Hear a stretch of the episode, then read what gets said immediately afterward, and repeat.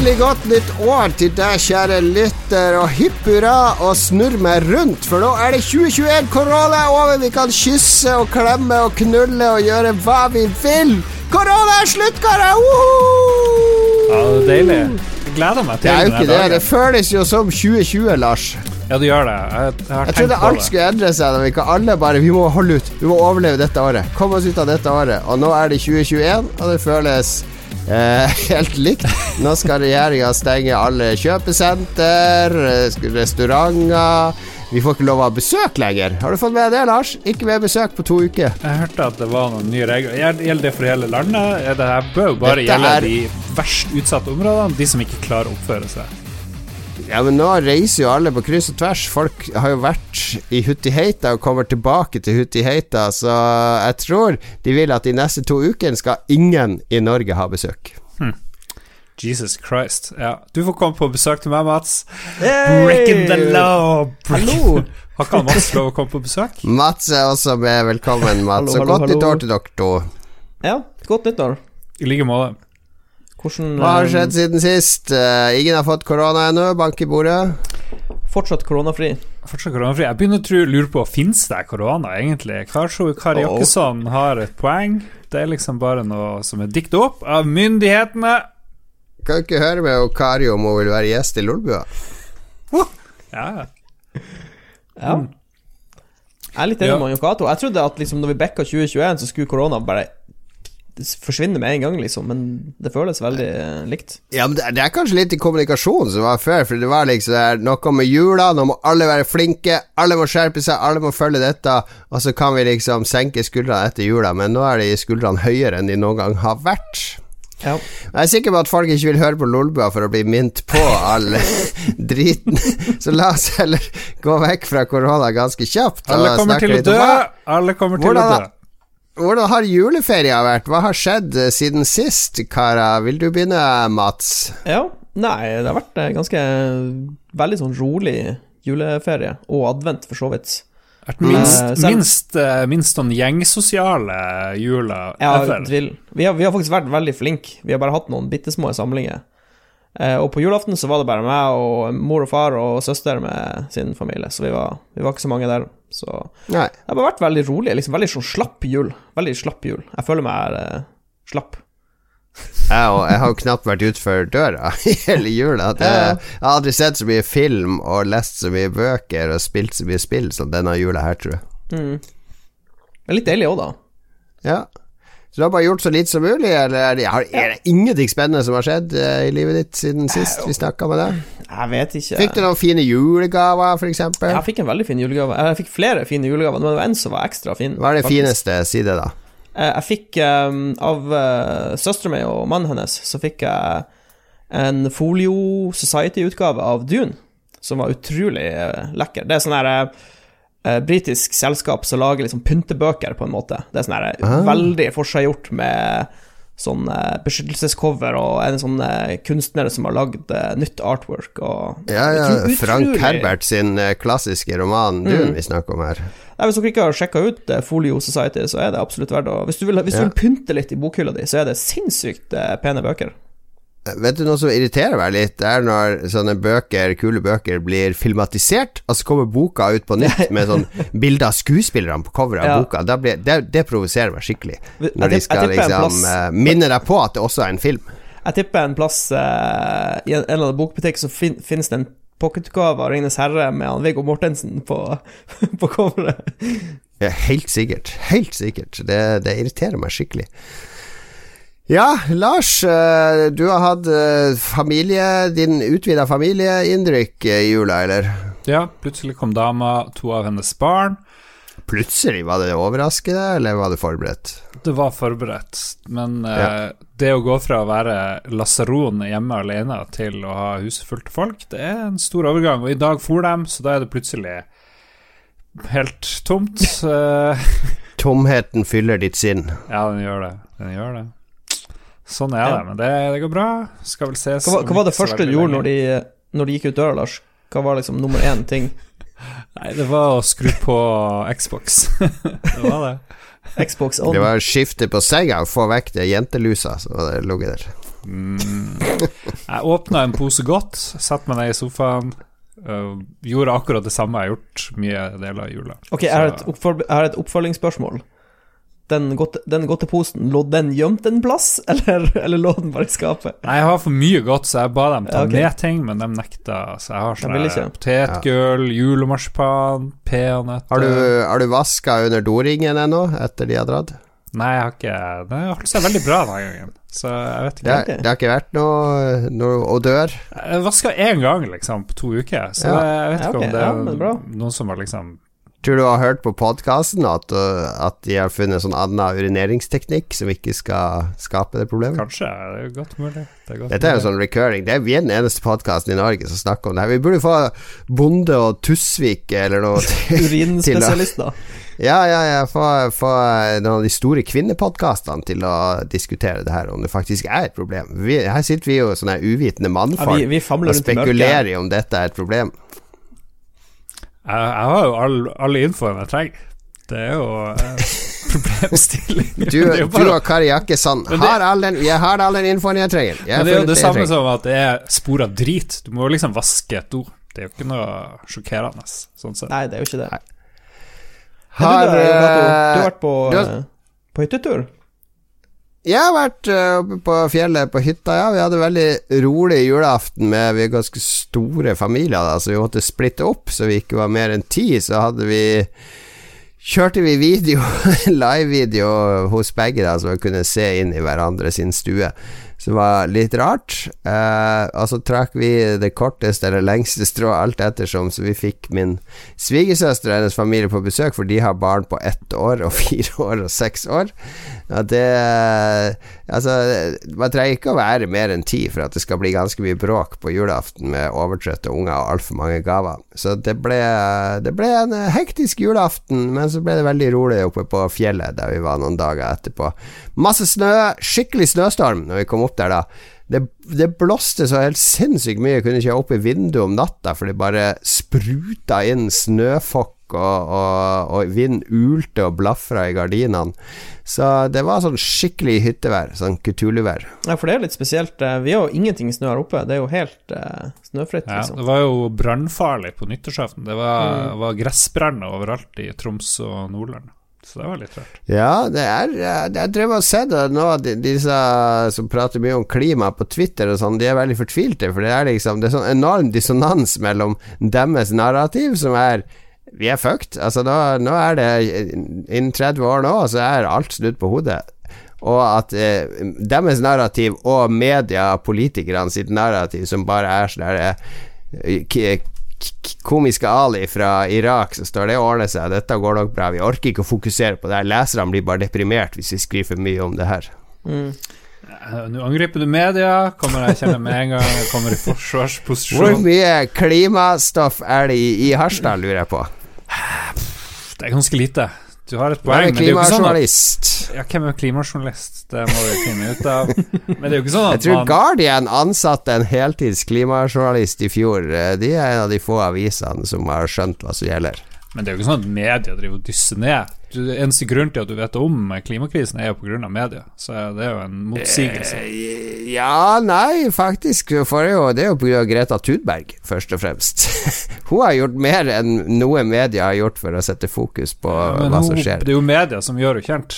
Det er jo ingen andre som gjør henne Eh, sosiale medier, teller du det som media her? Det er jo ikke sånn at hun er din venn på Facebook. Det går jo gjennom Nei, men når Arnold Schwarzenegger poserer med Greta i sosiale medier Selvfølgelig plukker dere i media det opp, men det er jo ikke dere som skaper de nyhetene, eller som har gjort forarbeidet for å sette fokus på det. Jeg vet ikke om det er sånn at Arnold Schwarzenegger har delt alt jeg vet om Greta Thunberg. Det tviler jeg på. Det var en stor greie når de møttes. Nå har jeg søkt på klima i avisen din, Harstad. Lars fra Ibestad ofret alt. Jeg vet ikke om det handler om klima. Oppdrettsgigant satser miljøvennlig. Det er bra. Det er en kul sak. Gråfjord Mekaniske Verksted. Kun klima i, i Harstad.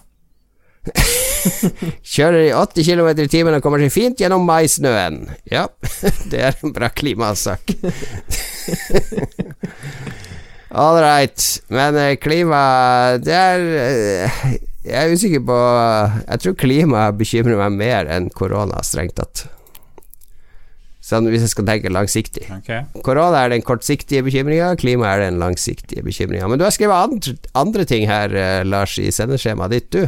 Ja, jeg må jo nevne at jeg har sett tre episoder, eller to og en halv, av The Stand, den her Stephen King-boka som nå har blitt serie på HBO.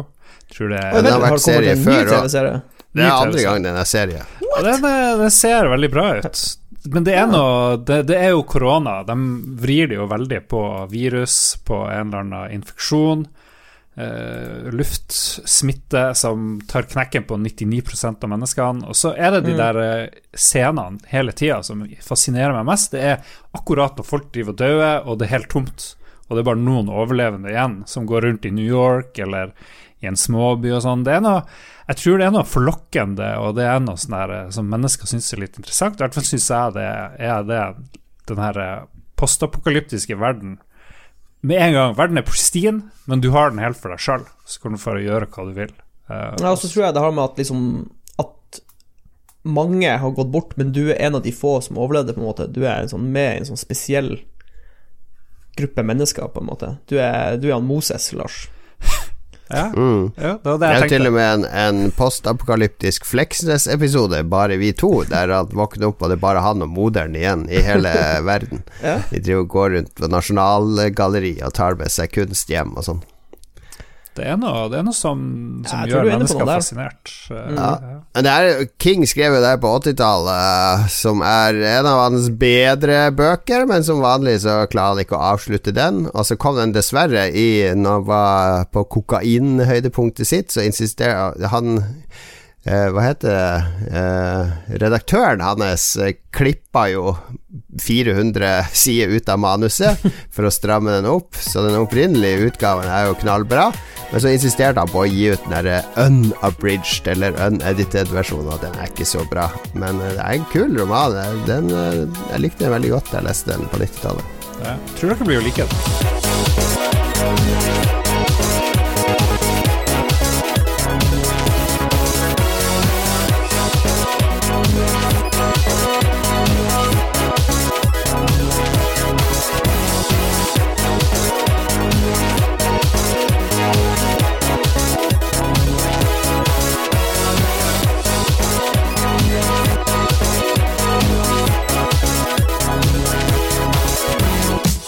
Life Goes On 2021, og som vanlig i årets første sending så skal vi jo komme med litt spådommer for hva som kommer til å skje i 2021. Men før vi gjør det, så skal vi se på hva vi spådde på nøyaktig denne sendinga for nøyaktig ett år siden. Skal vi se hvem av oss som spådde at det kom til å komme en verdensomfattende pandemi. Hvem spå... og så videre, og så videre. Vi, vi pleier ikke å treffe veldig mye på spådommene våre, men det er sånn Generelt i media. Jeg bruker å sjekke fotballtabeller som uh, sportsjournalister. Hver gang en ny sesong skal starte, så at 'slik skal tabellen se ut'. Altså begraver de, de De drar aldri frem de artiklene når sesongen er over, for å se hvem hadde vi rett, fordi de har aldri rett. De, de bommer alltid. Så, så det, er, det er ingen krav til å Alle kan kalle seg ekspert på det her. Altså Alle som kommer og spår hva som skal skje i inneværende år, eller noe sånt, det, de aner ikke hva de snakker om. Like lite som oss.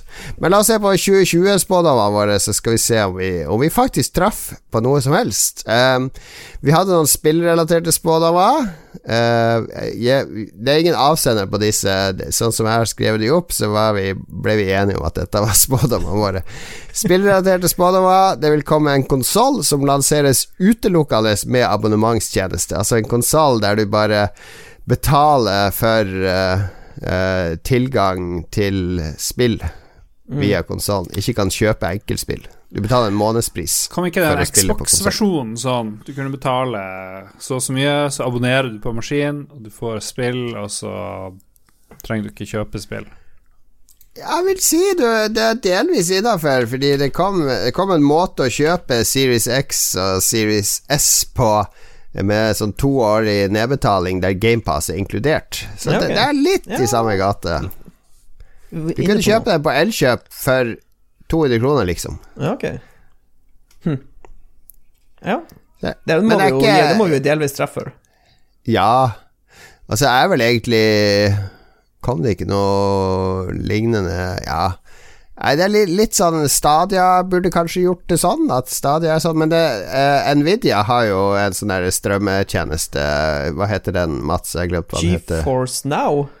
Eller noe sånt. GeForce Now, den er jo litt sånn Da betaler du en månedspris, men da har du tilgang til ditt Eller utvalgte spill i ditt eget Steam-bibliotek, eller noe sånt. Ja, det er, den er litt merkelig. Og så var det jo Det var Ja. jo noe som ble trukket derfra, og det har vært litt sånn krøll med det. Knaulete greier, men, men foreløpig er det ikke en 100% abonnementstjenestekonsoll på markedet. Men en annen spillrelatert spådom Tarantino kommer til å sette i gang og lage spill. Uh. jeg lurer på om det var min. Jeg er litt usikker. Det har ikke skjedd. Ikke som vi vet. Ikke som vi vet. Ja, kanskje han i all, all hemmelighet utvikler et spill eh, nå? Jeg syns vel han har lagd nok film. Han kan heller gjøre noe annet, tenker jeg. Jeg vil at litt- han skal lage en Star Trek-film. Oh, Jeg vil at han skal lage en Star Wars-film. Ja. Han truer med å begge. bøker. Han kan lage en av hver. En av hver. Crossover. Han truer med å skrive bøker, og det har jeg i hvert fall ikke lyst til. Jeg har ikke lyst til å lese Tarantino-bøker. Eller ja, tja, vi får se. Eh, neste spillrelaterte spådom, den siste. Amazon lanserer en strømmetjeneste for spill. Det skjedde ikke. Nei. Så vi kan gå forbi det i stillhet. Det kommer jo i år, gjør det ikke det? Ja, vi får, vi får se. Ja. Eh, vi hadde noen film, eh, filmspådommer også. eh, en revival av eh, Olsenbanden. eh, med, med Der kvinnelige skuespillere da skal spille Egon, Benny og Kjell. Sånn som i Ghostbusters, og så Per Ja. Heimly med som, eh, som Dynamitt-Harry. Oh, ja, Det er jo for god idé. Det må jo norsk filmbransje Jeg skjønner ikke at film Det, det er korona, vet du. Hadde det ikke vært for korona, så hadde filmbransjen plukka opp det her og agert på det. Det er jeg sikker på. Det er jo altfor god idé. Åh, for en film det hadde blitt. Den hadde jeg gleda meg til å se. Ja. En kvinnelig Jeg blir kanskje litt likt Charlies Angels, når jeg tenker etter. Tja, vet ikke. Men skal de være litt sånn tapere, sånn som vanlig Olsenband? Nei, De får jo nei, ikke til noe. de, nei, men um, de, det de kan gjøre samtidig, er at eh, de kan, de kan bytte ut alle med damer, men så kan de også liksom litt sånn sosialkommentar på Er det ok å stjele, sånn som Ol- Olsenbanden gjør. Altså, de gjør jo brekk. De er jo ikke Er de snille, liksom? Skal vi heie på dem? Det var jo det som var litt artig med Olsenmannen når du var liten, er at de er jo skurker. Ja, Så det føltes litt sånn der eh, Det Litt føltes forbudt. veldig edgy. ja litt forbudt. ja, litt forbudt. Så, så, men da føler jeg Da må jo Olsenmannen eh, med dame ta steget lengre. Hva er, hva er det som føles litt forbudt i dag, liksom? Kanskje, kanskje dreper de noen? Er det ok å drepe folk? Ja. ja. Ting er jo mer forbudt i dag, liksom. Det er jo ikke Ja. så mye som skal til. Ja. Hadde vi noe mer predictions? Eh, ja, vi hadde, vi hadde det Jeg, jeg ble sittende og tenke på Olsen. Jeg sitter og fantaserer om de damene som skal være med. Det er kanskje ikke sunt. Kanskje er det en fetisj, en sånn der Det høres Olsenband-fetisj. ut som starten på noe Skal da, dama skal ha på seg bowlerhatt og komme med sigar og si 'Helmaks! Helmaks, Lars!' Tenner du på det hvis dama hadde hatt bowlerhatt og sigar? Helmaks, Lars! Og det blir en vinner på Pornhub, så jeg er klar for det. Olsenmannen-porno, finnes det? Hvis ikke, her ser dere deres snitt eh, Rocco og hva de nå heter alle. Å, Pornohagen døde i 2020, fikk dere med dere det? Ja, Mm. Ja, så jeg saken Han har sikkert du møtt, Lars. Du har jo, var jo dypt undercover i pornobransjen som investigative eh, reporter. Ja, var på Sexhibition i 2002, tror jeg da. Mitt highlight som journalist. Det var stort. Ok, vi trenger Det her er fjorårets spådommer. Det skjedde ikke. Vi spådde at NRK kom til å flytte til fengselstomta på Grønland. Det har ikke skjedd ennå, men eh, det er ting i bevegelse der. Det var, din, det var din spådom. Det kan umulig Ja, ja, ja, ja, ja. Og så spådde vi at Sophie Elise kom til å starre i en ny romcom på TV2. Det har ikke skjedd ennå. Er hun ikke skuespillermateriale? Hvem vet? Hvem vet? Eh, Hun skriver jo bøker. hun Ja. driver og får Lager en- musikk. Hun driver og får stor bot nå fordi hun har drevet og lurt Hun, hun har fått 400 000, eller hva var det 4000 mennesker, til å følge og melde seg på hennes nyhetsbrev, og plutselig så bare pøser hun ut reklame for boka si, og det er ikke lov.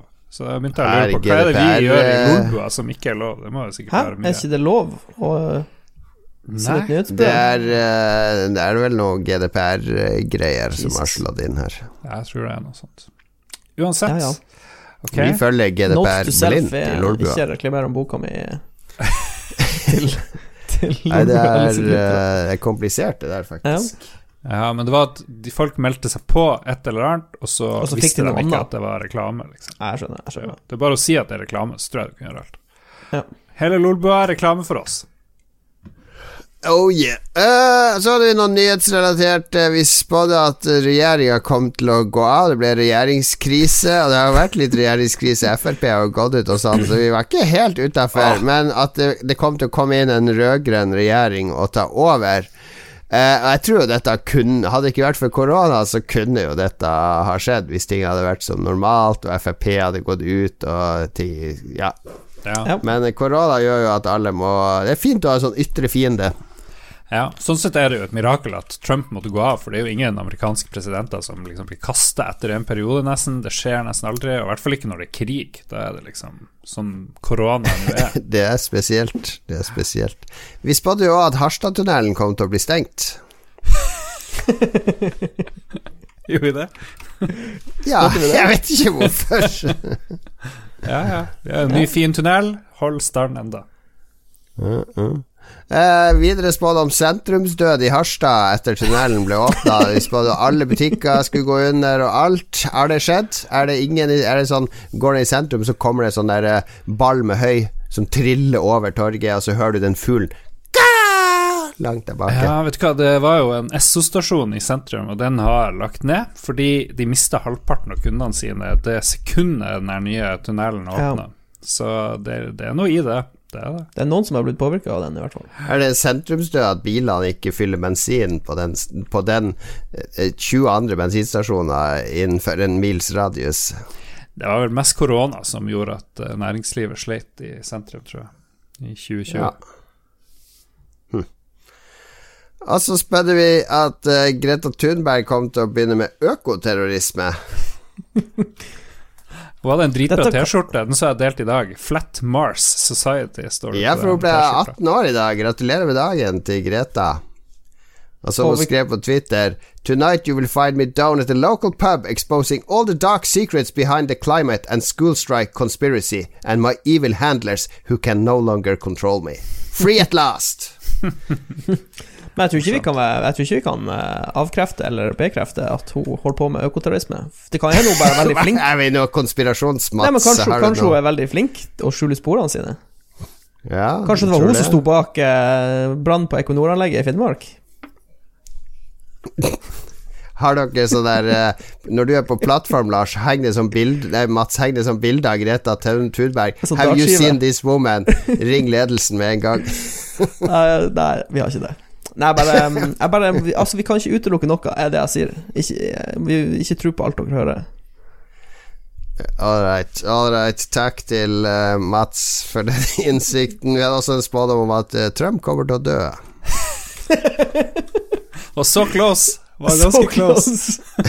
ja, det var jo det. det, var jo fikk det. Han fikk korona. men han døde ikke. Og den siste spådommen vi hadde, som heller ikke har slått til Solskjær får sparken. Det trodde vi var ganske bankers.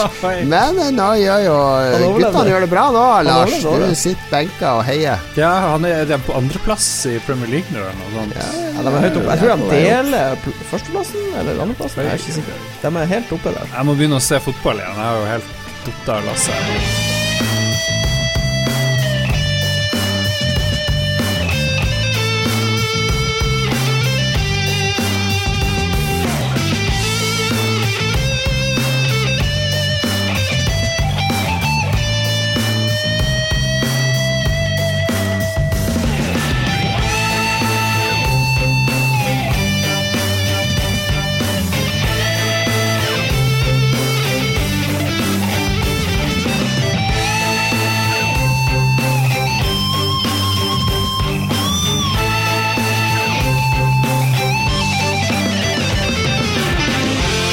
Ganske begredelig, må jeg si, de spådommene der. Hvis vi, hvis, vi, hvis vi, tar det sånn at, den der, at en bensinstasjon er lagt ned, at det er, eh, betyr at det er sentrumsstøt i Harstad, og at uh, du kan kjøpe Xbox på Elkjøp med nedbetaling og GamePass, så hadde vi da to spådommer rett.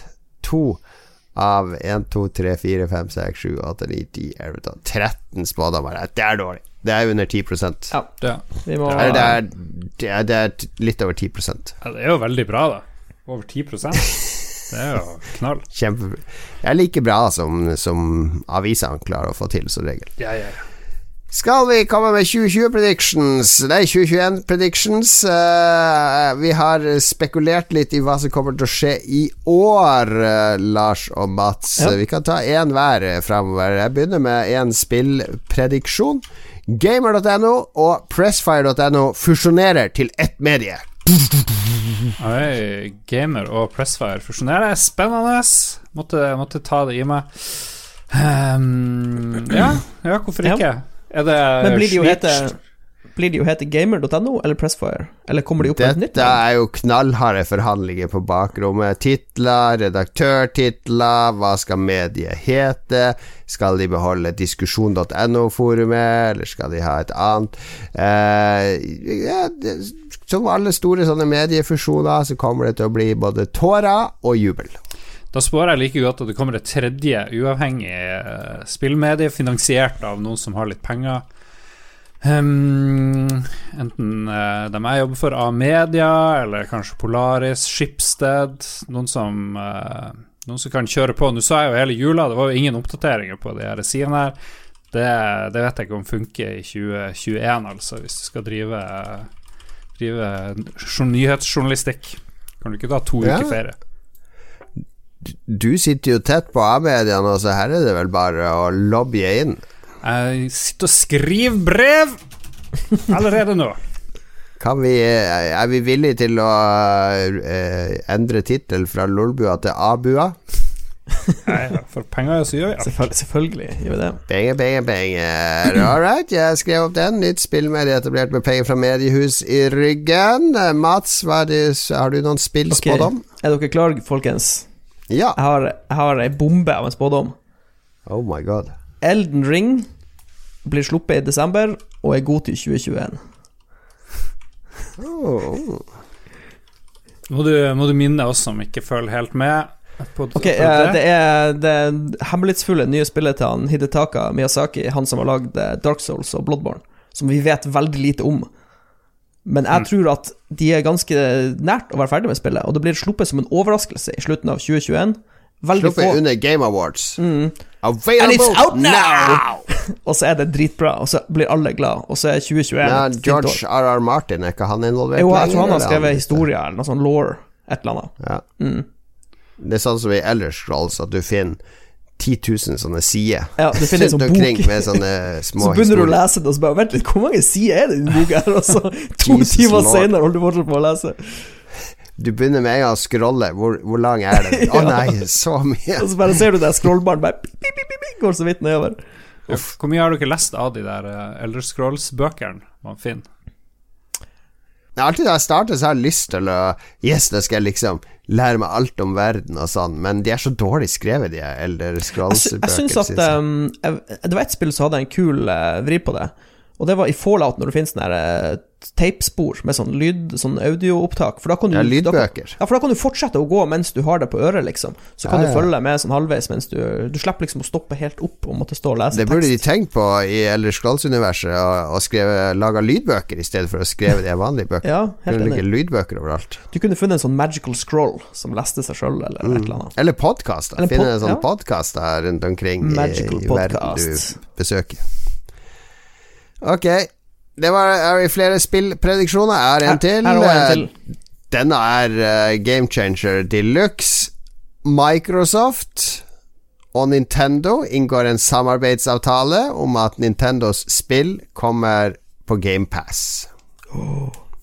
I litt annerledes versjoner.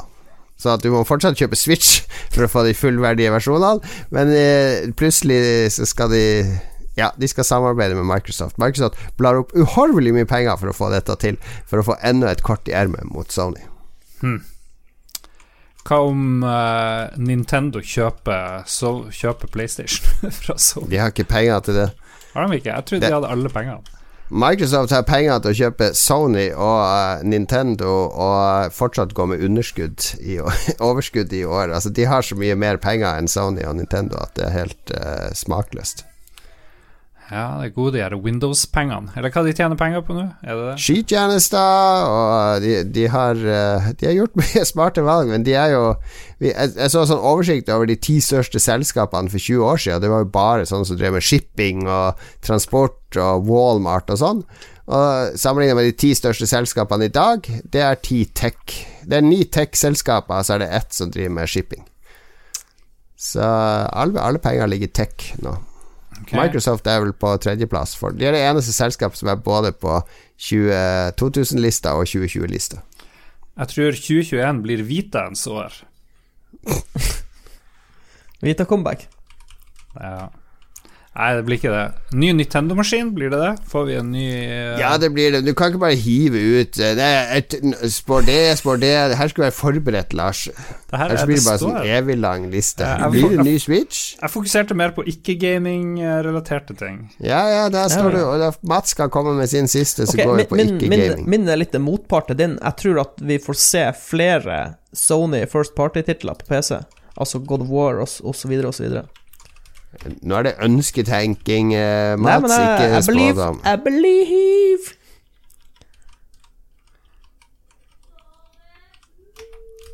Ok, det blir masse klikking fra tastaturet mitt i denne episoden. Men sånn blir det. Sånn blir blir det, det. det, er litt, det, er jo, det, er jo, det er jo reell eh, trykking, trykking, da.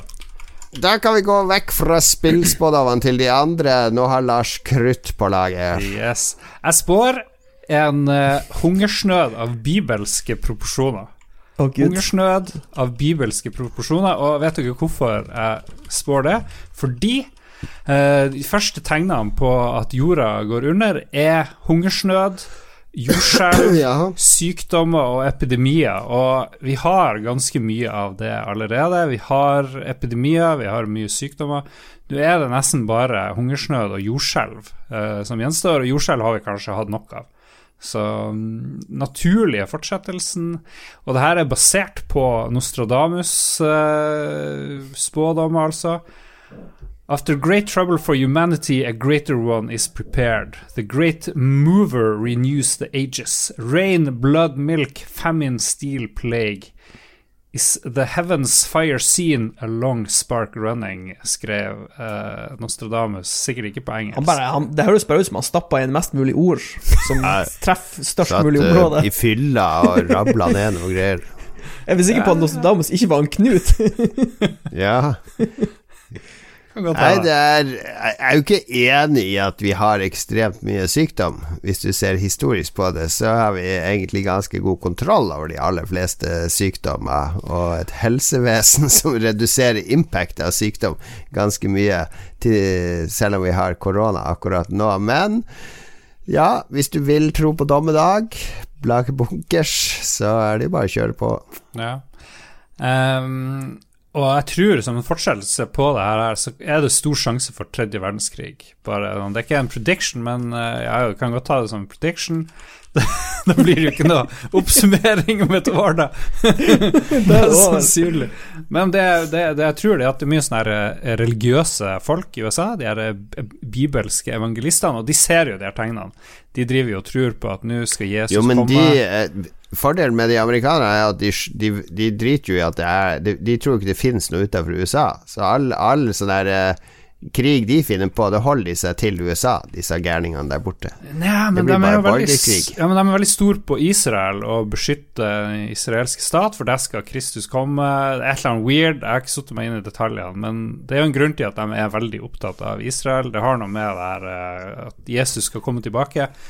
Så jeg tror Israel og USA kommer til å, sammen med Kina, kommer til å starte eh, tredje verdenskrig. Jeg er sikker på at hvis disse eh, tilbakestående religiøse fanatikerne i USA fant ut at nå skal vi starte verdenskrig og satte seg i en båt, så hadde de ikke klart å finne Europa. De, de, De hadde, de hadde sannsynligvis eh, aldri kommet fram. Nei, de hadde aldri kommet seg over havet. Så, så, så vi er relativt trygge.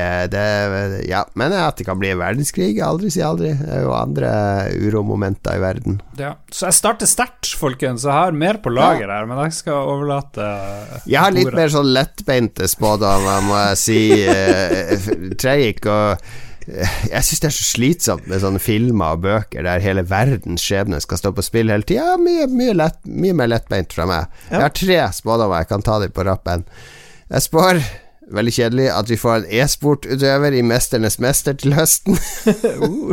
veldig konkret. eh, Uh, ja, jeg liker Spådom? det. Jeg liker det. ja, ja, ja, ja. Lettbeint, konkret. E-sportutøver i Mesternes mester til høsten. For det irriterer meg litt, fordi ungene mine elsker Mesternes mester. Jeg ser på med et halvt øye mens jeg leser ofte. Og nå starta en ny sesong, nå eh, på første nyttårsdag. Hver gang så ser jeg tenker nå må de ha fått med en eller annen som driver med e-sport.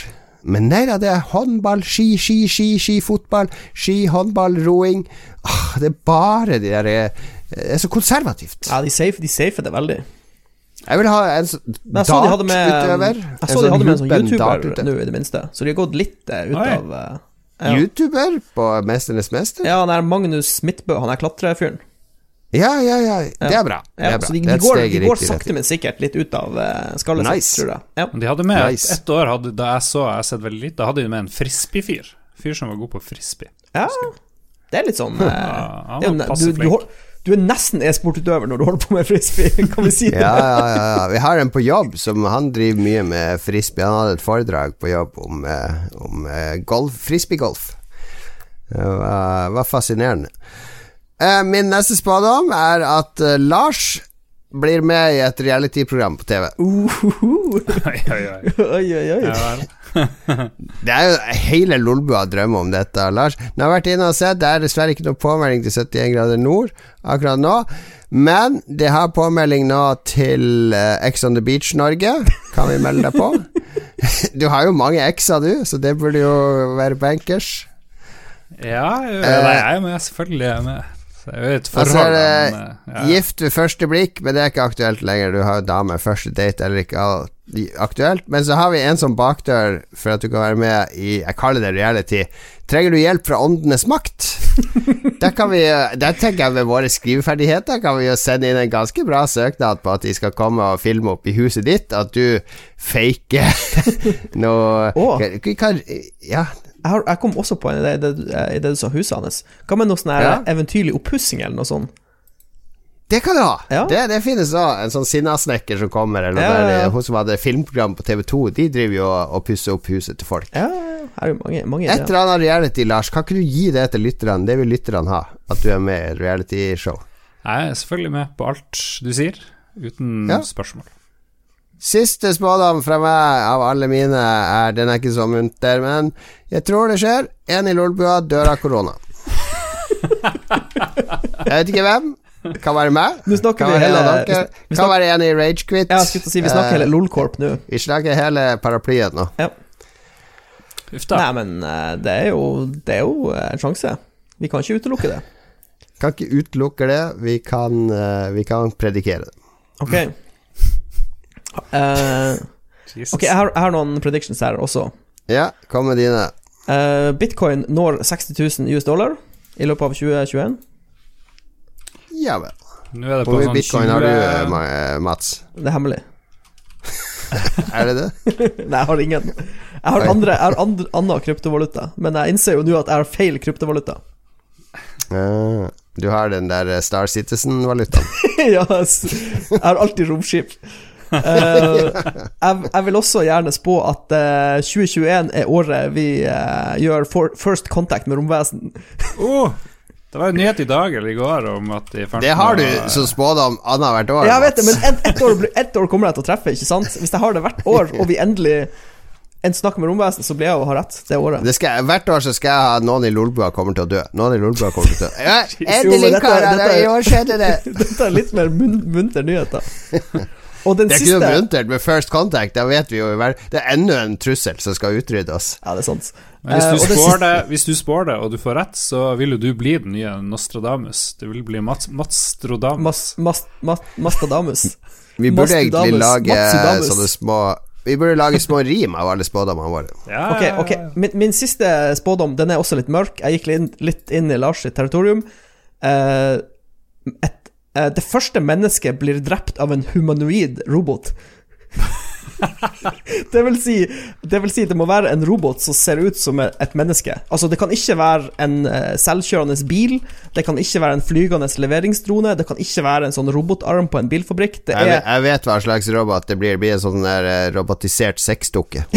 Ja, eller eh, det jeg også tror eh, kan være eh, som skjer, er at eh, det er en sånn playerobot som skal liksom løfte en sånn gammel person ut av senga, eller noe sånt, og så mister han han, og så detter han og dør, eller noe sånt. Men ja, det er 2021 er, er starten på Robot Uprising, basically. Hmm. De starter, de, starter, de starter smått, og så jobber de seg opp derfra. Siden vi snakker om roboter, så dere den der eh, nyttårsvideoen fra mm, Boston Ja, jeg, jeg la den ut på discorden vår. Ja, hva heter Ja. de som lager de her? Boston Dynamics. Ja, det begynner å bli bra roboter. Det var det, det var det som gjorde at jeg tenkte på den spådommen. Oh, Jeg, tror nice. vi jeg tror ikke vi er langt unna. Ok, jeg har, jeg har eh, litt mer fra Nostradamus. Og hvis dere hører hva Nostradamus sa, så vil dere skjønne med en gang hva det er snakk om. Few young people, half dead to give a start. Dread through spite he will cause others to shine. Og det her betyr selvfølgelig zombieapokalypsen eh, kommer, og den kommer mest sannsynlig i år. Eh, sier yearly slash horoskop.org. Hørtes ut Som Stephen King med Shine. Ja, En russisk eh, vitenskapsmann vil lage et biologisk våpen som, eh, som gjør mennesker inn til zombier. Og Ok. sånn, sånn er det bare. Herregud, Lars. Dine tre spådommer. Eh, vi skal dø av hungersnød, hele verden. Hungersnød av bibelske proporsjoner. I tillegg blir det tredje verdenskrig og zombieapokalypse. Hva er det du driver med? Alt det, du skjønner jo at alt det her kan jo ikke slå til. Nei, men det er jo ganske gode odds for at én av tre skjer, og jeg baserer meg Ja. som sagt på yearly-horoskop.org, som har det her som seriøse Skal med predictions basert på komet Nostradamus. fjorda? Skal vi ta med det òg? Utrydde alt liv? De har også eller? at muslimer vil lede verden. Jeg vet ikke helt hvor det kommer fra, men det er Nostradamus. The Jo, men det, det er jo, eh, Muslimer er jo uh, de med flest troende i verden, så de leder jo verden på en Ja. måte. In the Danube and the Rhine will come to drink, the great camel not repenting it. Og det, det tolker dem som Hva er det du leser for noe nå? Det her eh, Det er Vi mister lyttere på det her. Det er ikke Nostradamus. Det er, Det er det. en forkvakla tolking av Nostradamus. Ja, det er jo helt sant. Det er jo, men det er jo all Nostradamus-tolking. Solstormer, komet kommer veldig nært jorda, og takk for meg. Ja. Nei, men da har vi det i bakhodet. Et stort jordskjelv vil ødelegge California. Du skal faen med det nå. California. Sånn, det var våre spådommer for uh, året 2021. Kos dere inn i 2021, kjære lyttere!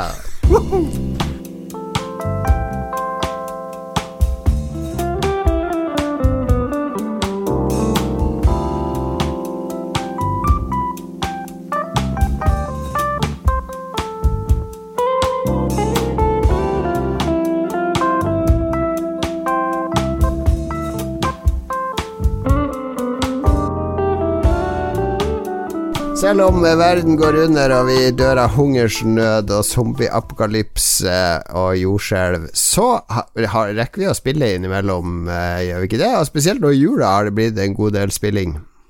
Ja. Absolutt. Jeg har dessverre Ja. bare spilt ett spill i jula, veldig mye. Okay. Ja, Så litt kjedelig fra min del, litt sånn endimensjonalt. Men eh, ja. ja det er et spill med skyting. Ja, det er et skytespill, vet du. Bang, bang. Det er et skytespill. Men det handler også, ikke bare om skyting, det handler også om å drikke juice. Og rote juice. ned, i, rote ned i bager og ligge i busker mens du bandasjerer sår og hoster. Og, og liksom gå rundt som en fyllik eh, fra hus til hus og lete etter verdifulle saker. Det handler er egentlig jo, mye mer om det dette er jo vanlig, vanlig tur på byen med meg og Lars Ja, involverer ja, jo mye av det der. faktisk. Ligge i busken og spy Ja, og blø og Faktisk. sjangle fra hus til hus. Det er Hvis du, sa, hvis du legger til å fære rundt fra hus til hus og stjele jakke, så vil jeg jo skjønne at det Ja, er da, ditt da, eget da, liv. ja nettopp. Ja, vet du hva, Lars? Det handler om å gå rundt i jakka og stjele ting også. Ja. Eh, det heter Skip from Tarkov. Jeg har sikkert snakka om det tidligere. Det er et veldig sånn brutalt skytespill. Det er veldig lite nybegynnervennlig. Det er sannsynligvis et av de minst nybegynnervennlige spillene jeg har spilt på lenge, liksom. Men det er, det er veldig, veldig morsomt når du kommer inn i det. Og nå har de hatt en større oppdatering, 12 12.9, hvor de, det de bruker å gjøre da, er at Der de endelig kommer kvinnelige figurer. Nei, dessverre. Det er fort, du kan What fortsatt ikke ha fuck? Hva er det de holder hva- Det er Jesus, russere, det er russere, Jon Cato. De, de lever i sånn 1990. De forstår ikke at du må ha det med. Men uansett, de har, de har utvida kartene. Og så det, det som er mest spennende med de store Escape from Tarkov-oppdateringene, er at de wiper alle kontoene.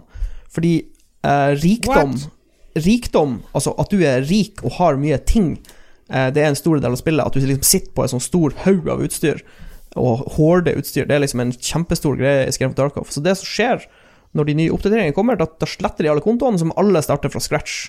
Og da er det ingen som springer rundt med sånn superbra utstyr. Alle har sånn shitty Men gamere bruker jo å klage vilt på sånn 'Alle har Ja, investert det er alltid, det er alltid noen som klager. Det er alltid noen som hater det. Men, men jeg tror de fleste syns det er jævlig kult, for det blir, det blir fresht. Eh, folk bruker flere forskjellige våpen. Springer rundt med sånn dårlige pumpehagler og litt sånn her, eh, dårlig utstyr. Og, nei, det er bare generelt veldig artig. Så nå, vi er en sånn ganske bra gjeng nå som har starta opp nå, etter wipen, og storkoser oss. Og det som var litt artig, var at det var ingen som visste når wipen kom. Så på julaften så tweeter de bare ut Ja, nå er wipen aktiv. Kos dere, liksom. Så de wipa liksom 24. desember og bare starta på nytt. da. Men Ganske det er noe pay to win-element der. Nei, egentlig ikke. Uh, du, uh, du kan få uh, Du kan kjøpe en sånn herre deluxe-utgave av spillet, så får du noen sånne her, oppgraderinger til basen din, men det har ikke noe å si når du er ute på mission, liksom. Da, Det eneste som har noe å si da, er hvor flink du klarer å skyte folk i øynene. Men det, det er veldig artig. Men det er litt sånn, jeg, jeg merker det, det er litt sånn farlig Farlig avhengig. Altså, du har bare lyst til å spille noen raids til, få litt mer utstyr, oppgradere basen din litt. Så jeg merker jeg er ganske hekta nå, så det er egentlig bra jeg skal på jobb, så jeg får kobla, kobla av i to uker. Ok, ja, ja, ja, ja, ja. ja Men fortsatt pølsefest, altså. Ja. Pølse, russisk Ja. pølsefest.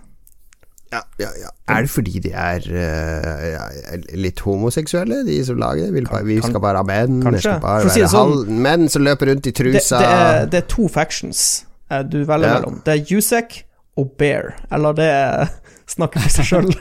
Oh lord.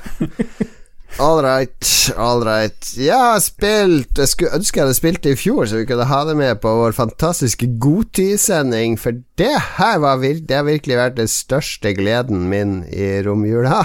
Eh, det at eh, Jeg er jo veldig glad i Yakuza-spillene i utgangspunktet. Jeg syns de er kanskje de beste narrative spillene vi har hatt de siste ti årene. Glem Uncharted og Last of Us og alt sånt. Uh, Yakuza-spillerne klarer å lage spillverdener og karakterer og historier som er som, som å se en TV-serie. Altså det, det er absurd til tider, og veldig mye dialog til tider, men herregud, så bra laga de er, og så kreative de er. Og så kom det I fjor kom det et som heter Yakuza Like a Dragon, som er litt annerledes enn de andre, for det bygger ikke på Det er ikke en del av den hovedserien, så det er helt sånn frittstående, så du trenger ikke å ha spilt hovedserien for å spille. Og så er det ikke actionspill, det er RPG, altså sånn JRPG-kamper. Der når du møter fiender, så stiller de opp, og så velger du sånne moves, og så går du opp i level, og kan velge forskjellige jobs, og må ha utstyr og ja, ha forskjellige superpowers osv. som bruker mana. Og herregud, så gøy det er, fordi For det første er de kampene dritbra. Og så er det en verden De har klart å lage en hovedperson Det er kanskje den mest sjarmerende hovedpersonen jeg har møtt i et dataspill noen gang. Uh, du spiller en sånn uh, Yakuza-dude som Han ble født på uh, soap house, eller hva det heter. Altså horehus.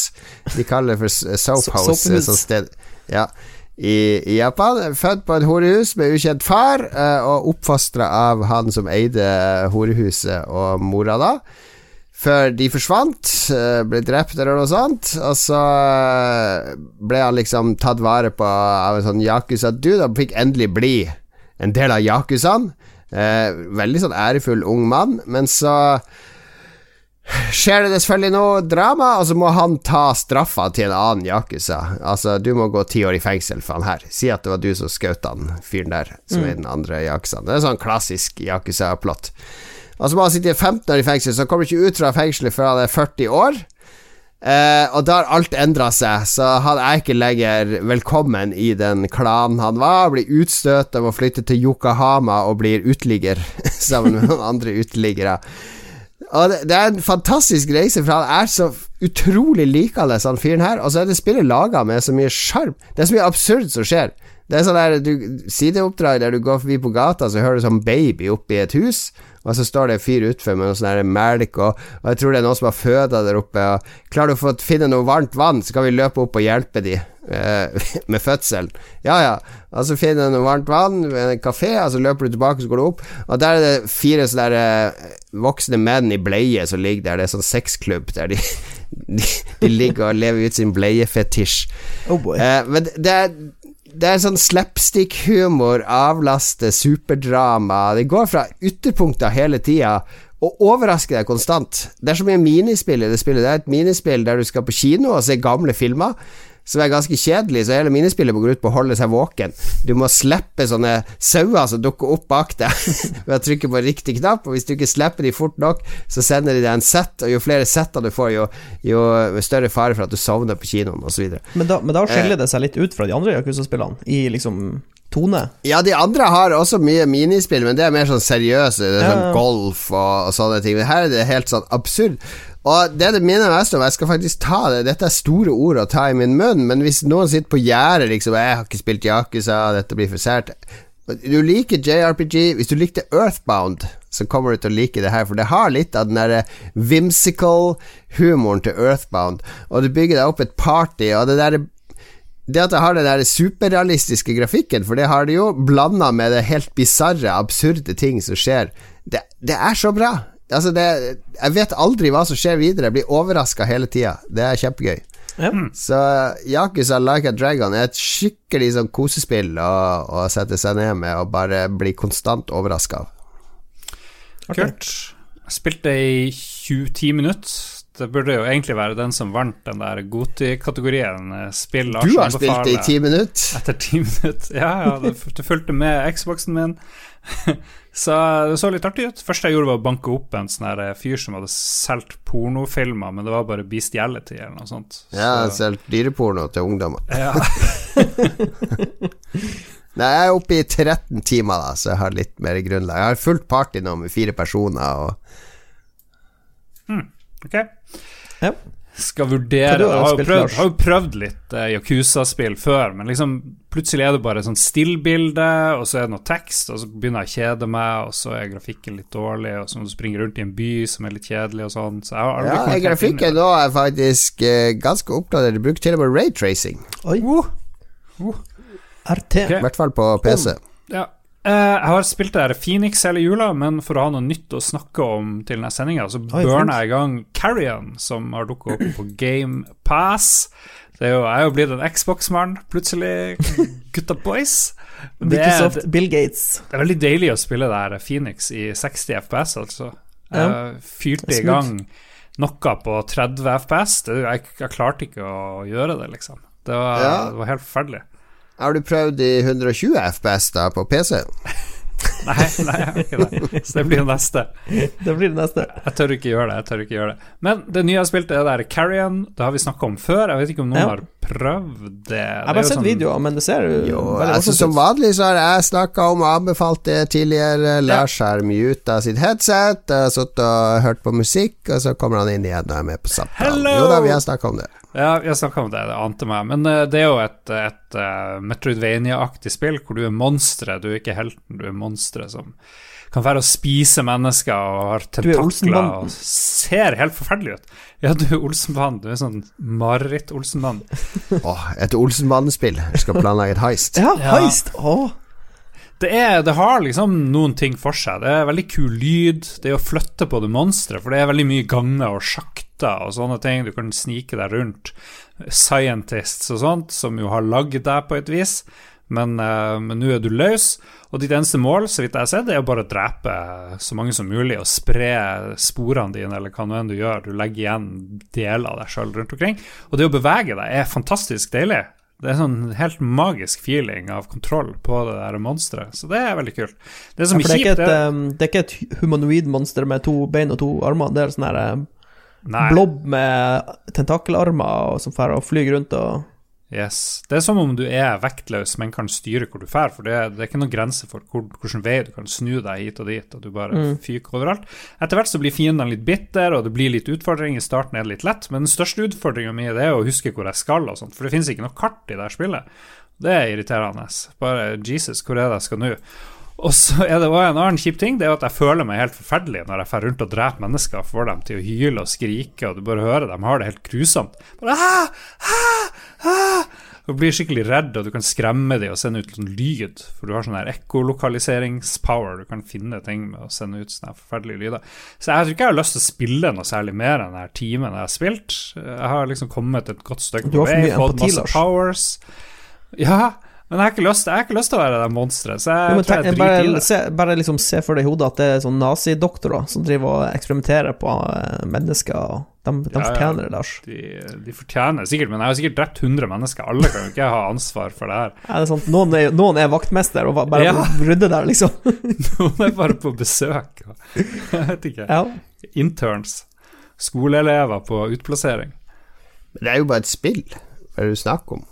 Det er jo ikke bare et spill. Det er jo en grunn til at folk liker The Last of Us. Det er jo fordi det gir deg mye følelser og gir deg eh, ekte følelser, ikke sant. Det er jo som å lese en bok. Du føler jo ting. Det er jo ikke bare 'Dette er bare en bok. Jeg føler ingen spenning eller empati'. Så Ja, men det der med at du ikke Ja, at du ikke Du dreper jo ikke mennesker. Du er jo et monster som skal overleve. ja, jeg syns ikke det er Er det bedre at menneskene dreper monstre, da? Ja, det vil jeg si.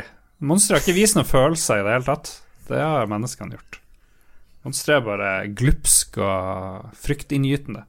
Men det kan jo hende det blir en sånn puppy på slutten, jeg vet ikke, som er misbrukt. Ja. Ikke var- skyt monsteret, det er en hund. Det er en hund. Det er ikke et monster, det er en hund.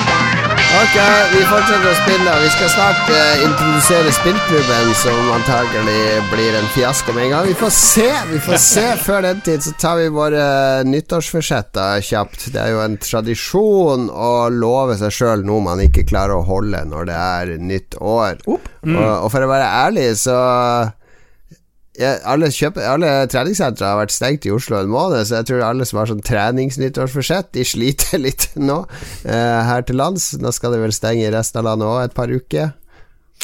Ja, nå skal alt kuttes ut. Jeg drev og leste på, på VG her mens dere prata i sted, og jeg ikke fulgte med, og det er jo de ville reglene. Ja, ja, det er ikke noe besøk. Du får Jo, besøk. jo, men aleneboende kan fære på besøk, så jeg og Mats kan besøke hverandre. Så det ja, går det kan du se. Ja. Det går. Uh, vi får uh, Men vi, vi Noe Mitt eneste forsett er å ikke dø av korona. Uh, at verken meg eller min mor eller andre i familien min skal dø av korona. Det, det skal jeg gjøre. Det jeg kan for å få til. Ja. Ja, det syns jeg er godt, godt tips. Eh, Mats, vi gjør mye av det samme, ser jeg. ja. Det var du som, det var du som begynte. Ja. Nei, eh, av og til så snakker vi om å skrive en bok, Ja. eller noe, så jeg føler Ja. at 2021, da, da skal vi begynne på det. Vi kan skrive, vi kan skrive ti kapittel. Fem, fem hver. Fem hver. Ja. Ja. Mm. Vi kan begynne med en Men- novelle. Ja, Men kan dere ikke skrive Jeg vet jo vår venn Frank og mange andre De er blitt veldig opptatt av disse kinesiske science fiction og fantasy-bøkene som, som dukker opp på nett, som er sånn 10 000 kapitler. Mm. Kan dere ikke bare legge ut fortløpende når dere skriver? Så at folk får lese, eller må det liksom Nei, det skal i trykkeri, og det skal innføre to sånne permer før vi er fornøyd. Er det ikke bare å pøse tekst ut på nettet? Er ikke det moderne eh, forfattervirksomhet? Det høres ut som en god idé, men da, må man, da er det veldig lav terskel for å publisere. Så da kan vi jo bare skrive noe drit og legge det ut. Ja. Ja. Så det er jo Men hva mener dere med å skrive bok? Hva slags bok skal dere skrive? Hva er ideen her? Skal dere skrive et kapittel hver, som Mats sa? Skal det til et forlag? Hva, hva er det dere skal Det er et forsett, så det er noe dere skal gjennomføre. Ja, ja, vi får Vi ikke gjennomfører alle mine forsett. Mats hadde noen ideer. Jeg husker ikke helt Ja. hva de var. Men, Nei, eh, altså, vi hadde jo um, Nei, vi, vi må jo først lande på en sjanger. Uh, om vi Ja. skal gå for uh, litt sci-fi, skal vi gå for hard sci-fi, skal vi gå for fantasy, skal vi gå for litt Er sånn det lurt? Altså, en altså begrense seg av en sjanger, eller la historien bli til å finne sjangeren på egen hånd? Ja. ja. Nei, jeg er jo glad i å blande litt uh, fancy og sci-fi. Det går jo fint an. Så kan, Ja, ja. kan vi, trenger, vi, vi trenger ikke be, begrense oss. Men eh, Mats er interessert i hard sci-fi. Jeg tenker det høres helt forferdelig ut. Da må du være hans science-mesteren, Mats, for det kan jeg Jo, men vi, må, vi trenger en ekspert, liksom. Vi må ha en, vi må ha en sånn eh, fysiker eller noe som kan hjelpe oss med, med harde Ja. fakta. For vi, Ja, vi vi kan har ikke jo- alt det der. eh, Vi har jo Skoglund, eh, nei, Vidar og Jabba. De er jo Ja, de kan sikkert litt- fysikere. De kan være våre hjelpere. Vitenskapelige hjelpere. Ok. Ja. Ja. Nei, Jeg tror ikke så mange bryr seg om den der sci-fi, om det passer stemmer eller ikke, liksom. Men eh, jo, det er jo noen, jo, det må være rett. Jeg vil ikke være noe sånn her eh, Så får lyge i boka mi. det skal være sannheten. Ok. Det er ikke bare å sette det 10 000 år i framtida, så kan du bare ja, dikte sant. opp hva som helst. Slipper jo eh, Nei. Nei, jeg vet ikke. Vi må, vi må tenke litt på det. Men det, det Ja, vi kan kalle det en nyttårsambisjon. Det er et forsett, Ok, dere okay, ok, sagt det. ok, Men hva, er det dere Vi skal konkret skrive- vi skal gjør for å bok. Men realisere ok, for, for å besvare spørsmålet ditt, jeg Ja. føler ikke at vi må gi det ut på et forlag.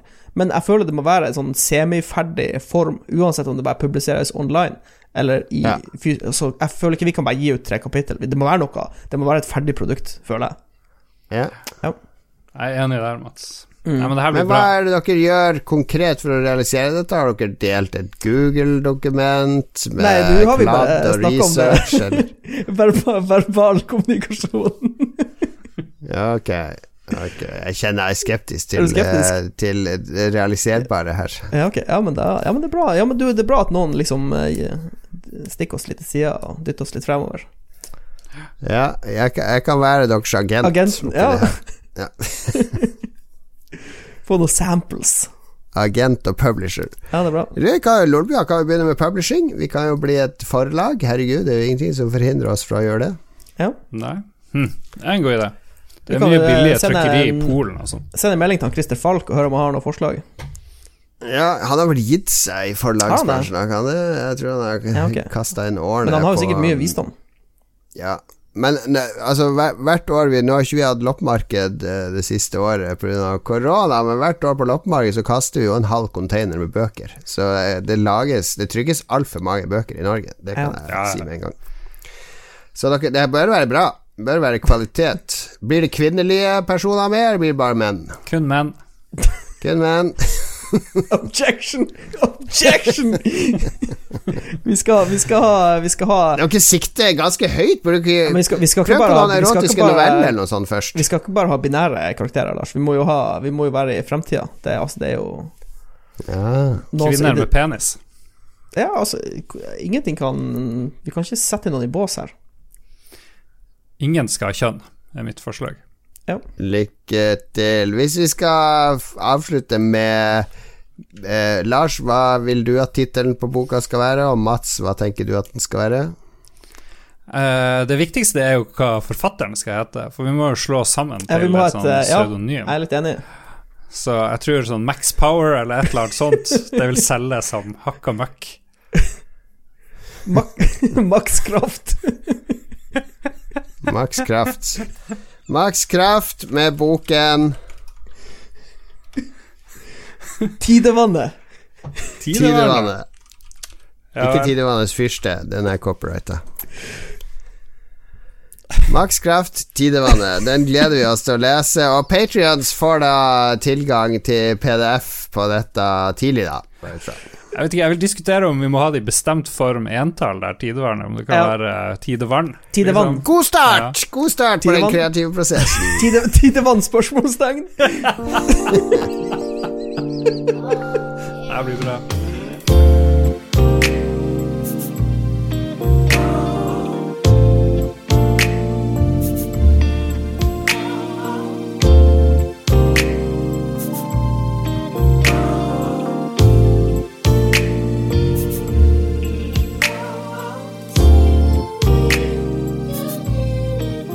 All right, uh, gutter. Æsj, Det føles helt feil å si gutter til, uh, til folk på min alder. Mats, jeg vet du er litt yngre. Ikke, Ja, ja, ikke hiss deg opp. Mats blir 40 i år. Ja, faktisk. Uh, the big 4-0. Hvis du lever så lenge. Er det Ja, hvis- Lolbua kommer til å dø i år, så sats jeg satser på at det ikke blir deg, Mats. Hold deg i live. Ja. Du skal ut og reise nå eh, snart. Da Ja, er det du skal skal- på plattform. Jeg skal reise på tirsdag, faktisk. Ai, Så ai, ai. jeg har, fått, jeg har ikke hørt noe annerledes. Jeg har bare fått de standard covid-retningslinjene, så jeg drar nå bare ut på havet. Ja. Ja. Good. Noen må holde oljepumpene i gang. Spillklubben er et nytt konsept. Velkommen til Spillklubben, kjære lytter. Denne har jeg skamløst stjålet fra One Life Left-podkasten, som hadde dette for seks-syv år siden. En sesong med eh, det de kalte for The Video Game Book Club. Eh, jeg kaller det bare for spillklubben. Fordi en bokklubb, det vet vel de fleste hva er. En bokklubb er liksom en sånn klubb som samles en gang i måneden. Eh, en gjeng mennesker der man hver måned har lest den samme boka. Og så samles man i en diskusjonsgruppe og deler sine analyser og inntrykk av boka, og liksom deler leseerfaringa si med andre, for å da berike seg sjøl kulturelt og, og få venner og knytte bånd.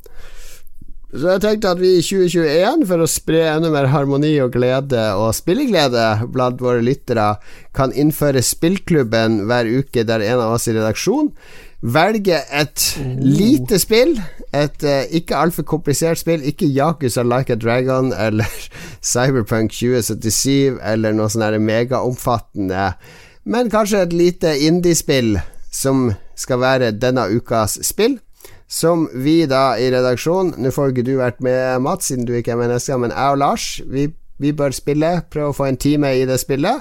Og så skal vi snakke om det neste uke, og da kan du velge et nytt spill, Lars. Altså Det geniale med at vi annonserer det her og nå, tittelen på spillet, er jo at vi vil jo gjerne at dere lyttere òg skal ta Kjøp, last ned, få tak i dette spillet.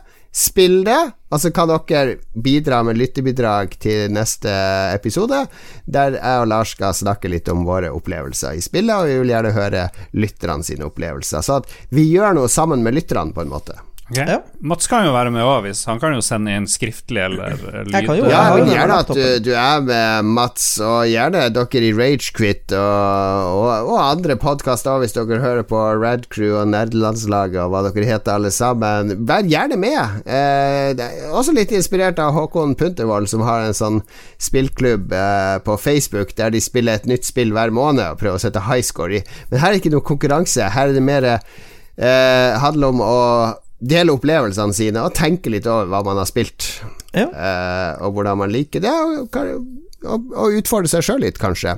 Så mitt spill som jeg har valgt til første spillklubb, det er et spill jeg kjøpte i fjor, som jeg bare spilte i ti minutter. Tenkte at dette var vakkert og fint. Uh, og nå har jeg henta det fram igjen. Det heter A Short Hike. Eh, det ble tatt med Eurogamer, blant annet. Hadde det med i sin kåring av eh, fjorårets beste spill. Det har vunnet flere priser. Det er et lite spill, tar én til to timer å spille gjennom, der du er på en øy. Og jeg tror du skal komme deg opp på toppen av øya. Du er en, eller annen fugl, så vidt jeg har skjønt. skjønt. Eh, tegnefilmaktig grafikk. Koster en slikk og ingenting på, på Steam. Skal se om det er ute på noen andre plattformer. Switch ser jeg er det ute på. Steam er du, og Switch er du ute på. Uh, jeg vet ikke om det er på Hva heter det? Game Pass? Antagelig ikke. Nei, det ser ikke sånn ut. Uh, Mac OS, Linux, der er det jo mange. Spesielt på Linux. Ja, det er Steam igjen. Uh, altså tror jeg det er uh, vel på vintersalget til Steam akkurat nå. Så det ja, koster 40 kroner på Steam. Det tror jeg de fleste kan ta seg råd til. Er du en av de kynikerne, så kan du sikkert refunde det. Runde det på under to timer og refunde det òg. Eh, jeg skal ikke kommentere det for høyt. Men et billig og veldig søtt spill har fått veldig gode anmeldelser, og på Steam er det overwhelmingly positive, som er det øverste av det øverste du kan få på Steam i brukeranmeldelser. Over 4500 brukeranmeldelser har det fått siden det kom i sommer. Du har altså en sånn svart fugl som er på en sånn ferieøy og skal ja, prøve å komme deg opp på, på toppen av fjellet der. Ja, kult. Syns dere konseptet høres litt artig ut? Ja, 100 Så siden jeg har valgt denne uka, så skal jeg også lete fram litt sånne der uh, artikler og litt mer sånne, sånne art critic takes på det spillet til neste episode, så at vi har noen samtalepunkter rundt spillet. syn- ehm, Jeg går ut fra at det er en del av konseptet at det er et spill som er så kort at, at det forventes at man spiller gjennom det. Eller Ja, i hvert fall spiller det nok til å gjøre opp en mening, men det, det skal ikke vare veldig lenge, det spillet her, så vidt jeg har skjønt. Nei, men konge. Jeg liker, liker konseptet. Hmm. Ok. Da sier vi det, og kjære lytter, finn spillet A Short Hike. Vær med og spill, og bli med i diskusjonen eh, i neste ukes episode. A Short Hike heter det. Selv Lars er allerede skeptisk ut. Å nei, nå må jeg spille på PC eller Switch. Det er ikke på Xbox. Xbox Live, motherfuckers! Xbox for life. A Short Hike, altså. Spillklubben er herved innvia 2021, baby.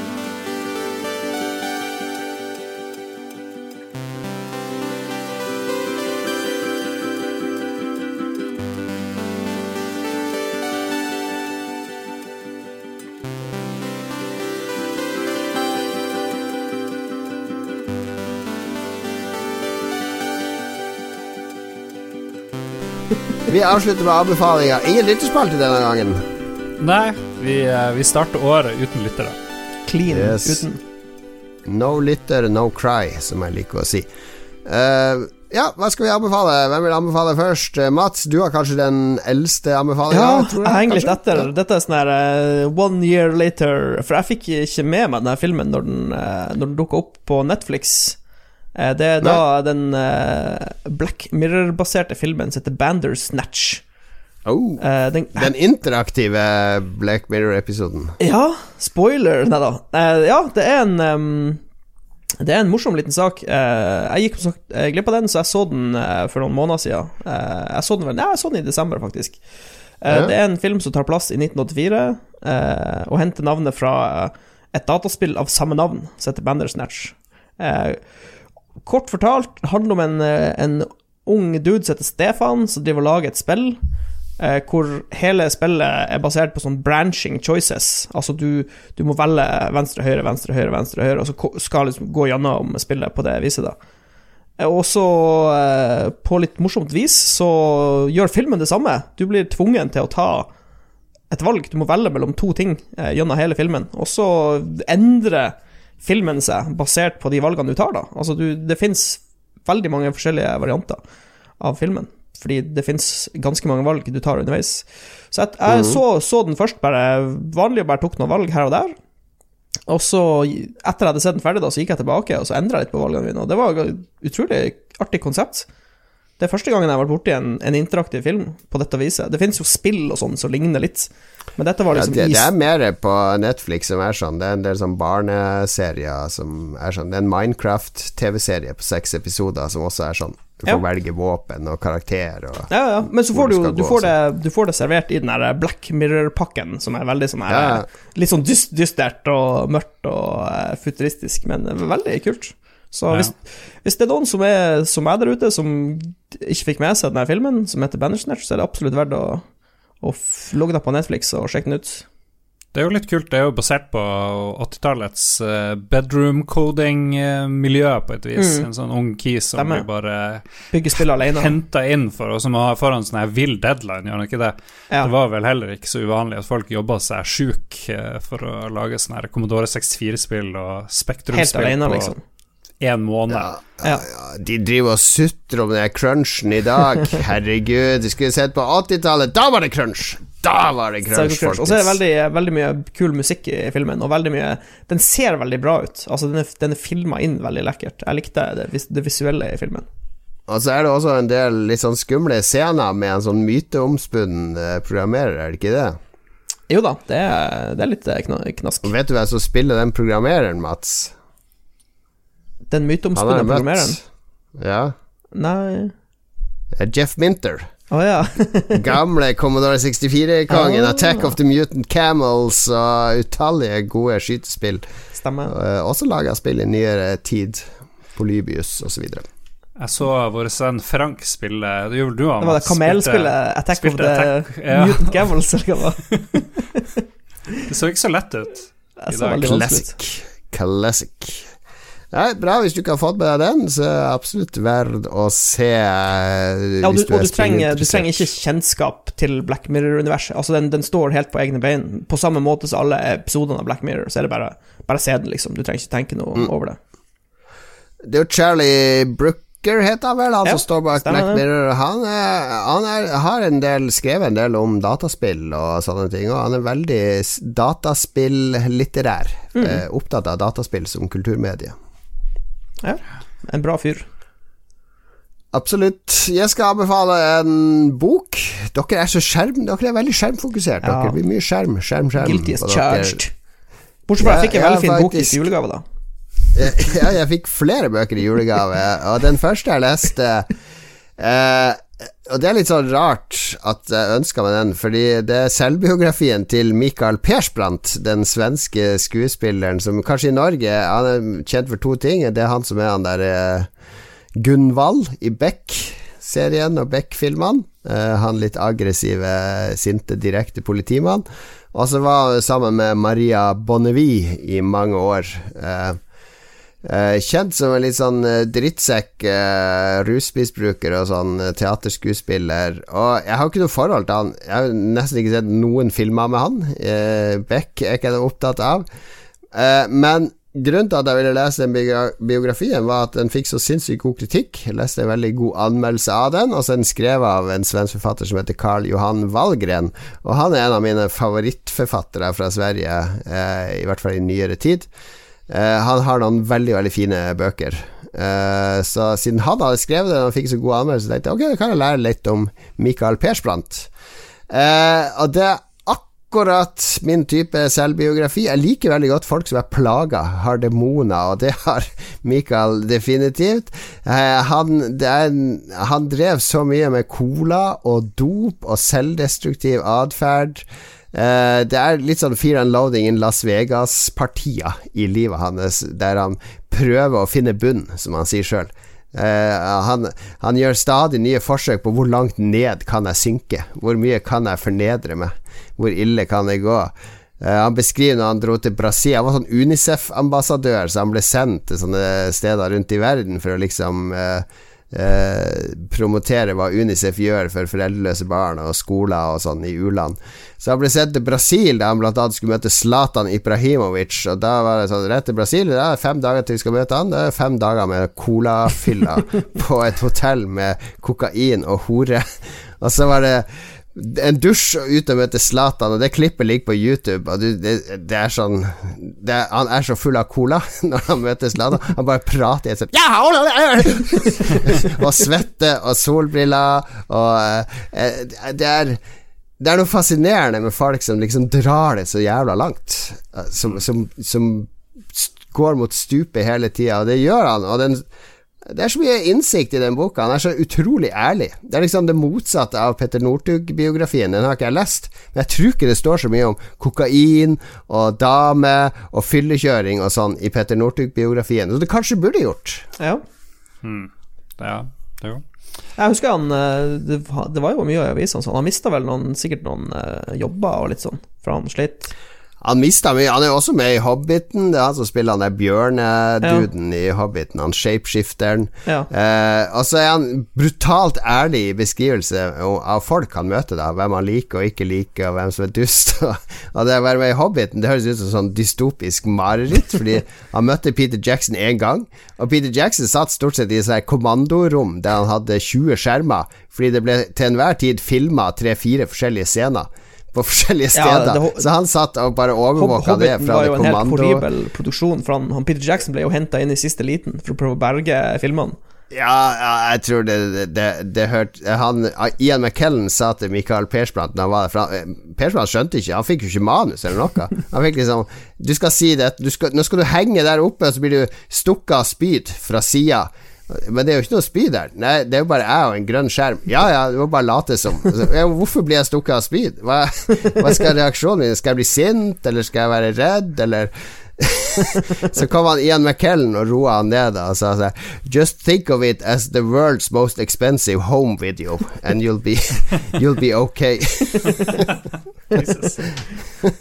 oh, oh, boy. Men er, den er full av morsomme Det er veldig så, mye sårbarhet i den boka. Så hvis, uh, hvis du er som meg, som liker å lese om folk som uh, som uh, er veldig plaga, men likevel klarer seg og er kreative og reiser seg opp, så, så, kommer du til å like den boka. Selv om du ikke Jeg hadde null forhold til Michael Persbrandt før den boka. Jeg er veldig glad for at jeg ble kjent med han via den boka. Sånn jeg husker det, heter den. Ja. Hm. Kult. Jeg skal snakke om Clown, eller Clown, det heter jo Klovn The Final. Litt sånn clown. Rar, clown. Ja, litt rar tittel på en film. Lurer på om den heter Clown. Hey man, er du en clown? På, på dansk. Clown the Final. Den kom i fjor, tredje Klovn-filmen. Jeg har bare sett den første. Og Hei, er, det bare, er det tre, er det ikke bare to? Nei, nei, nei det, kom, det, det, er nummer to òg, hvor de drar til LA og driver og styrer på, så den gleder jeg meg veldig til å se. Så den tror jeg blir Du ser dem i motsatt rekkefølge? Jeg ser dem i motsatt rekkefølge. Det var kjæresten som ville se den, så ja. fikk det til. Var på iTunes.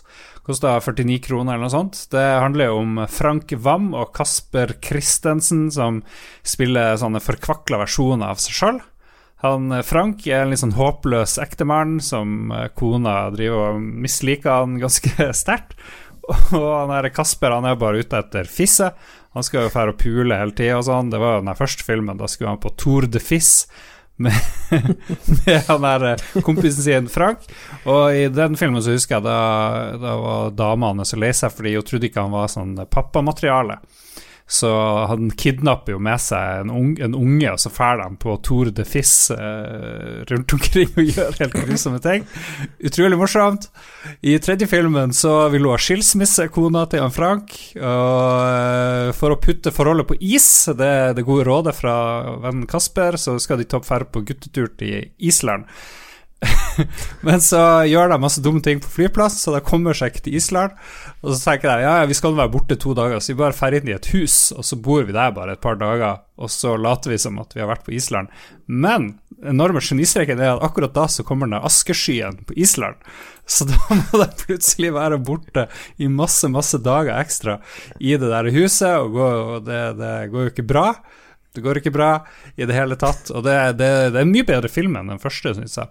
Okay, ja. Og den har fått terningkast tre og sånn. Den har ganske råtten ratings uh, rundt omkring, men jeg storkoste meg. For det er, så, det er så forferdelig. Det er jo Hvis man tenker på han her uh, Larry David, som har der Curb Your Enthusiasm, så er jo de her, her bare enda verre. De er bare helt, helt grusomme mennesker. Litt røyere. Ja, litt røyere. litt, litt sånn, danskere. Ja, veldig dansk. Og litt sånn, mye, mye syke ting. Mye helt ferdige ting som ja. uh, ikke kunne gå Danskene er jo uh, En av de tingene danskene er veldig stolt av, er jo at de er det første landet i verden som tillater pornofilm. Altså, altså tillot å vise pornofilm.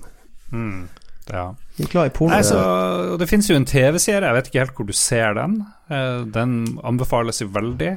Fantastisk. TV-serien er veldig bra. Der har jeg sett alt.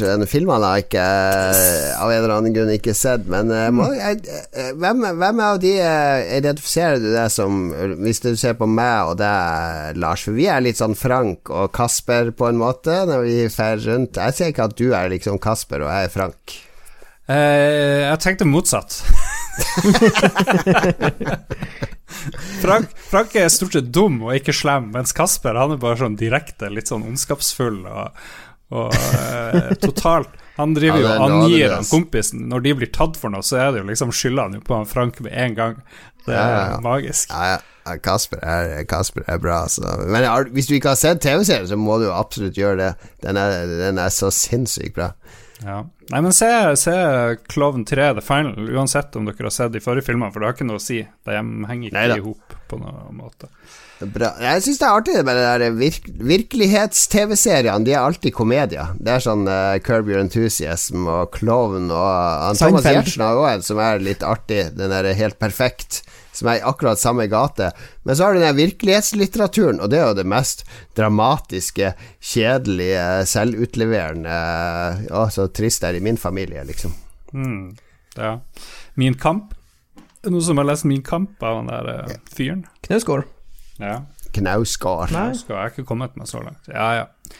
Anywho, tre solide uh, anbefalinger, vil jeg si.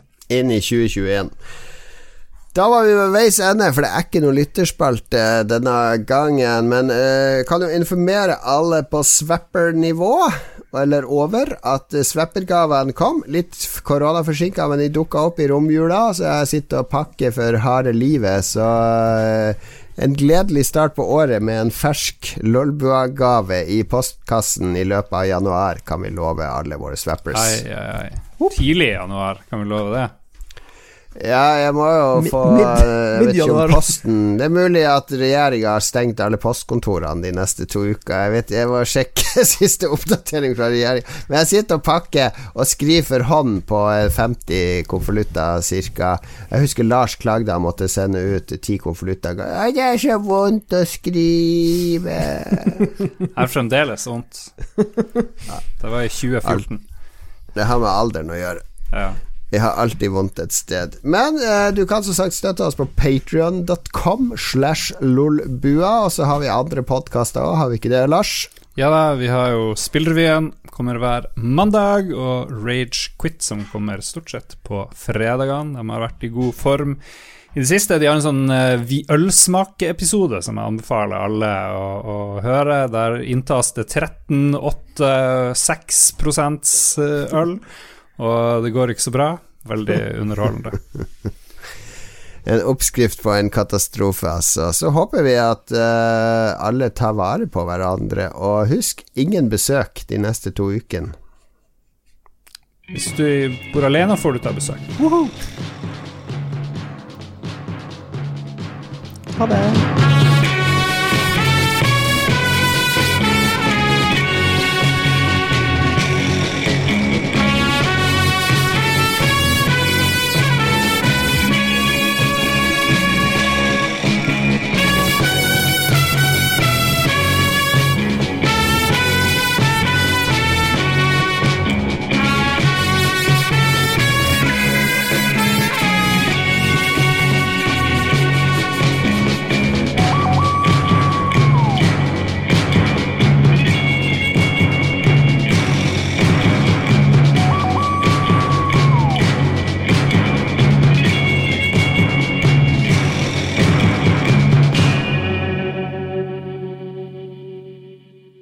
Har du et enkeltpersonforetak eller en liten bedrift? Da er du sikkert lei av å høre meg snakke om hvor enkelt det er med kvitteringer og bilag i fiken, så vi eh, gir oss her, vi.